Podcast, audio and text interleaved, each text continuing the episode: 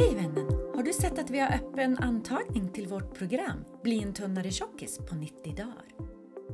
Om det är så att du vill gå ifrån att vara en, en person som inte har någon energi, som känner sig missnöjd med sin kropp och som hela tiden tänkt på mat, kanske är du en sån som äter dina känslor. Och du vill bli en gladare människa som har energi hela dagen, som känner ett inre lugn och, och som har kontroll över ditt matintag. I sådana fall, då är vårt program för dig. Vårt program, där hjälper vi dig med övervikt eller med fetma, det vill säga sjukdomen obesitas, att gå ner till en hälsosam vikt och stanna där genom beteendeförändringar och stöd av läkemedel. Och naturligtvis är det här under uppsikt av både en legitimerad psykolog och legitimerad läkare. Jag pratar naturligtvis om Rebecca och Alette. Nu är det så här att vi har ett begränsat antal platser i alla våra program. Så om du blir nyfiken, gå in på viktdoktorn.se och klicka på programmet och se om det här är något för dig. Jag har beskrivit precis hur programmet är uppbyggt, vad som ingår. Vi har alltid en massa generösa bonusar för vi ser att utöver programmet så finns det massor med saker som vi kan ja, men hjälpa till med att göra för att det ska gå ännu bättre på din sista viktresa.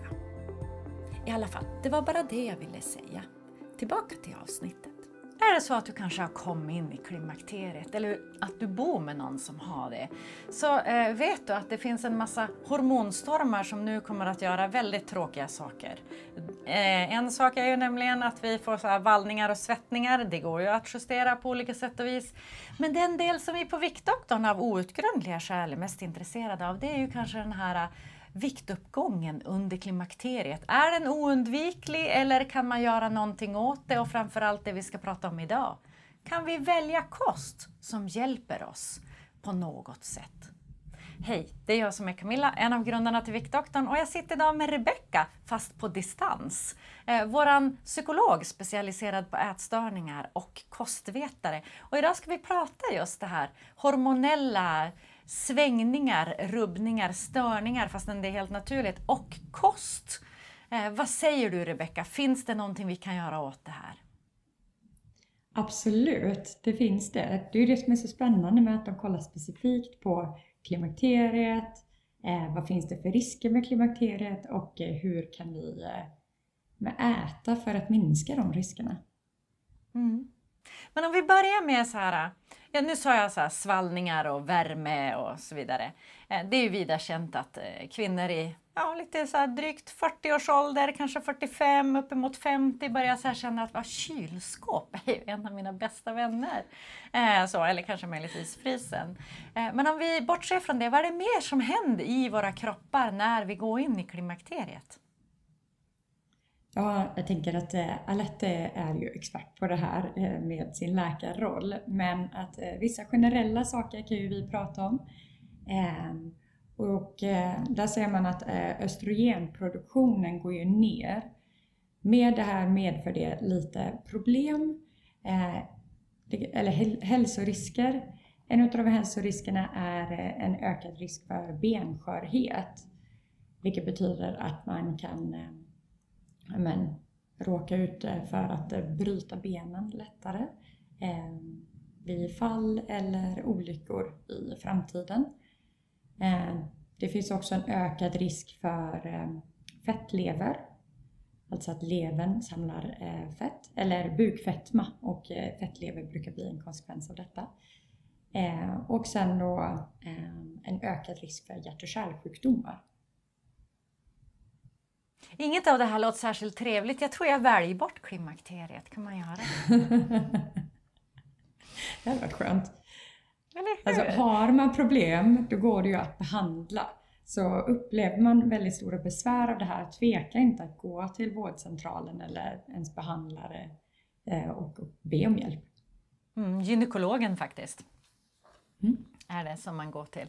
Eh, Okej, okay, men eh, jag vet att du har tittat på forskning inom det här. Jag vet att det finns faktiskt sätt att skjuta upp att klimakteriet inträder och lindrar klimakteriebesvär om man har, är mitt uppe i det genom att förändra sin kost lite grann.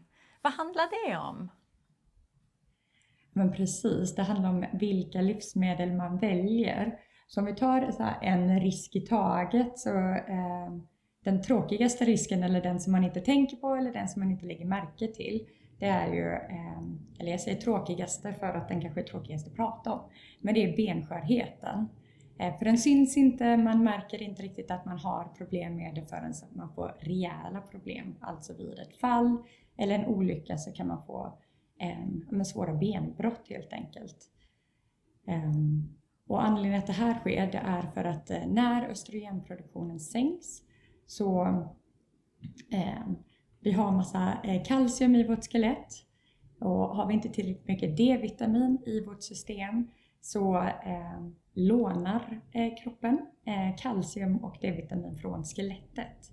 Vilket gör så att skelettet blir lite urkalkat eller lite som en svisisk ost kan man tänka sig. Så det är inte lika starkt som det var tidigare. Eh, men det här kan man skydda sig mot.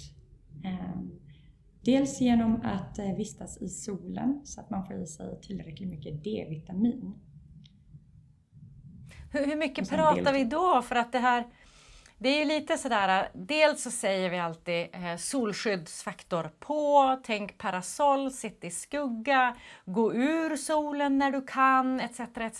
för det är så farligt eh, för cancerrisken.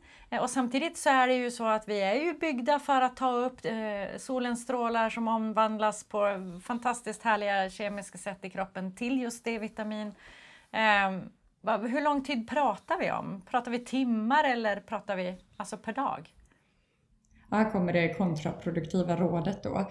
Men om vi utgår från att man är oskyddad i solen eh, så behöver man vara en kvart ute i solen och då behöver 25% av kropps, kroppsmassan eh, få sol. Eh, och det här behöver man göra en 3-4 gånger i veckan för att få tillräckligt högt skydd genom hela vinterhalvåret så att kroppen liksom bygger upp ett lager. Mm. Um, och då tänker jag så, så här, vi, vi har ju haft en riktigt dålig sommar. Alltså juni, absolut. Eh, och har man rest någon annanstans i världen så har man ju med stor sannolikhet, särskilt södra Europa, fått sol.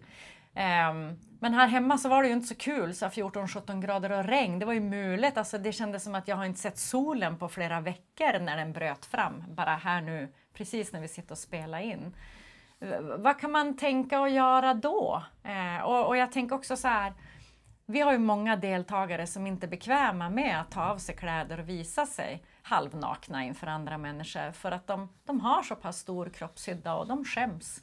Och sen, sen har vi problemet med om man har mycket valkar, att det blir varmt och man svettas och det är svårt att komma in mellan hudvecken och det, ja, det, det känns inget fräscht helt enkelt så att man, man vill inte vara i solen. Eh, vad gör man då? Ja, men det går eh, rent i kosten också att eh, arbeta med sitt eh, D-vitamin och eh, kalciumupptag. Eh, en parentes där till eh, solen är ju att eh, precis som du säger att eh, vistas man inte i solen eller har man solskyddsfaktor så behöver man antingen då förlänga tiden som man spenderar i solen eller eh, kanske till och med ta kosttillskott utav olika anledningar. Eh, men just när det kommer till maten så finns det vissa livsmedel som eh, hjälper oss. Och då är det bland annat fet fisk, så lax, sill, eh, makrill är exempel på detta. Men även mejeriprodukter som är berikade med D-vitamin. Jag minns ju de här AD-dropparna som man gav barnen när de var små. Det känns lite som att man kan ju tillföra D-vitamin också i tablettformat men då, då, handlar det mer om medicinsk behandling så vi kanske lämnar det till Alette. Men det finns ju D-vitamin att köpa på alla apotek, bara tabletter man kan äta och, och så kan man bara se till att man faktiskt kom upp i dagsbehovet av D-vitamin. För att brist på D-vitamin eh, vet jag, det kan leda till depression i förlängningen. Så det är viktigt att vi får i oss D-vitaminet, inte bara för vikten utan även för, för lyckan i livet. Ja men precis, vi vill ju minska alla hälsorisker som vi kan. Ehm, och går man till apoteket kan man alltid fråga någon som jobbar där för de är extremt kunniga. Så eh, ja, fråga på. mm. Okej, okay, så det här är benskörheten. Eh, sen har vi ju eh, bukfettman och fettlevern som du pratade om. Mm.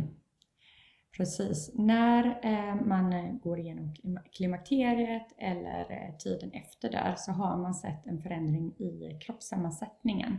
Det vill säga att fettmassan ofta ökar och muskelmassan minskar. Ehm, så det finns olika sätt som man kan skydda sig mot det här. Ett sätt är ju då, som vi pratade om tidigare, att förlänga tiden innan man går in i klimakteriet. Ehm, det jag tycker jag låter jättebra faktiskt. Ja, men det är verkligen det är superspännande att man kan påverka det. Och hur gör man det? Så det generella rådet för att bibehålla muskelmassan det är ju då att äta protein. Eh, Spelar det någon roll rådet, vilket protein jag äter? Eh, inte för att bibehålla muskelmassan utan då är det proteinet som vi vill ha. Eh, det är mer kanske mängd. Eh, men när det kommer just till att skjuta på ingången i klimakteriet, då spelar det so stor roll vilket eh, protein man väljer. Jag förstår. Så att eh, det röda köttet att lägga på grillen och så vidare, det är no-go? Ja, det, den här studien visade att eh, det finns ett eh, samband mellan intag av rött kött och tidigare ingång i klimakteriet. Och dessutom finns det en skyddsfaktor då om man istället åt vegetariska protein eller proteiner, eh, framförallt med ett högt fiberintag, så eh, såg man en senare ingång i klimakteriet. Menar du då att man man äter protein, vegetariskt protein och fiber eller att det finns vegetariska fiberrika proteiner?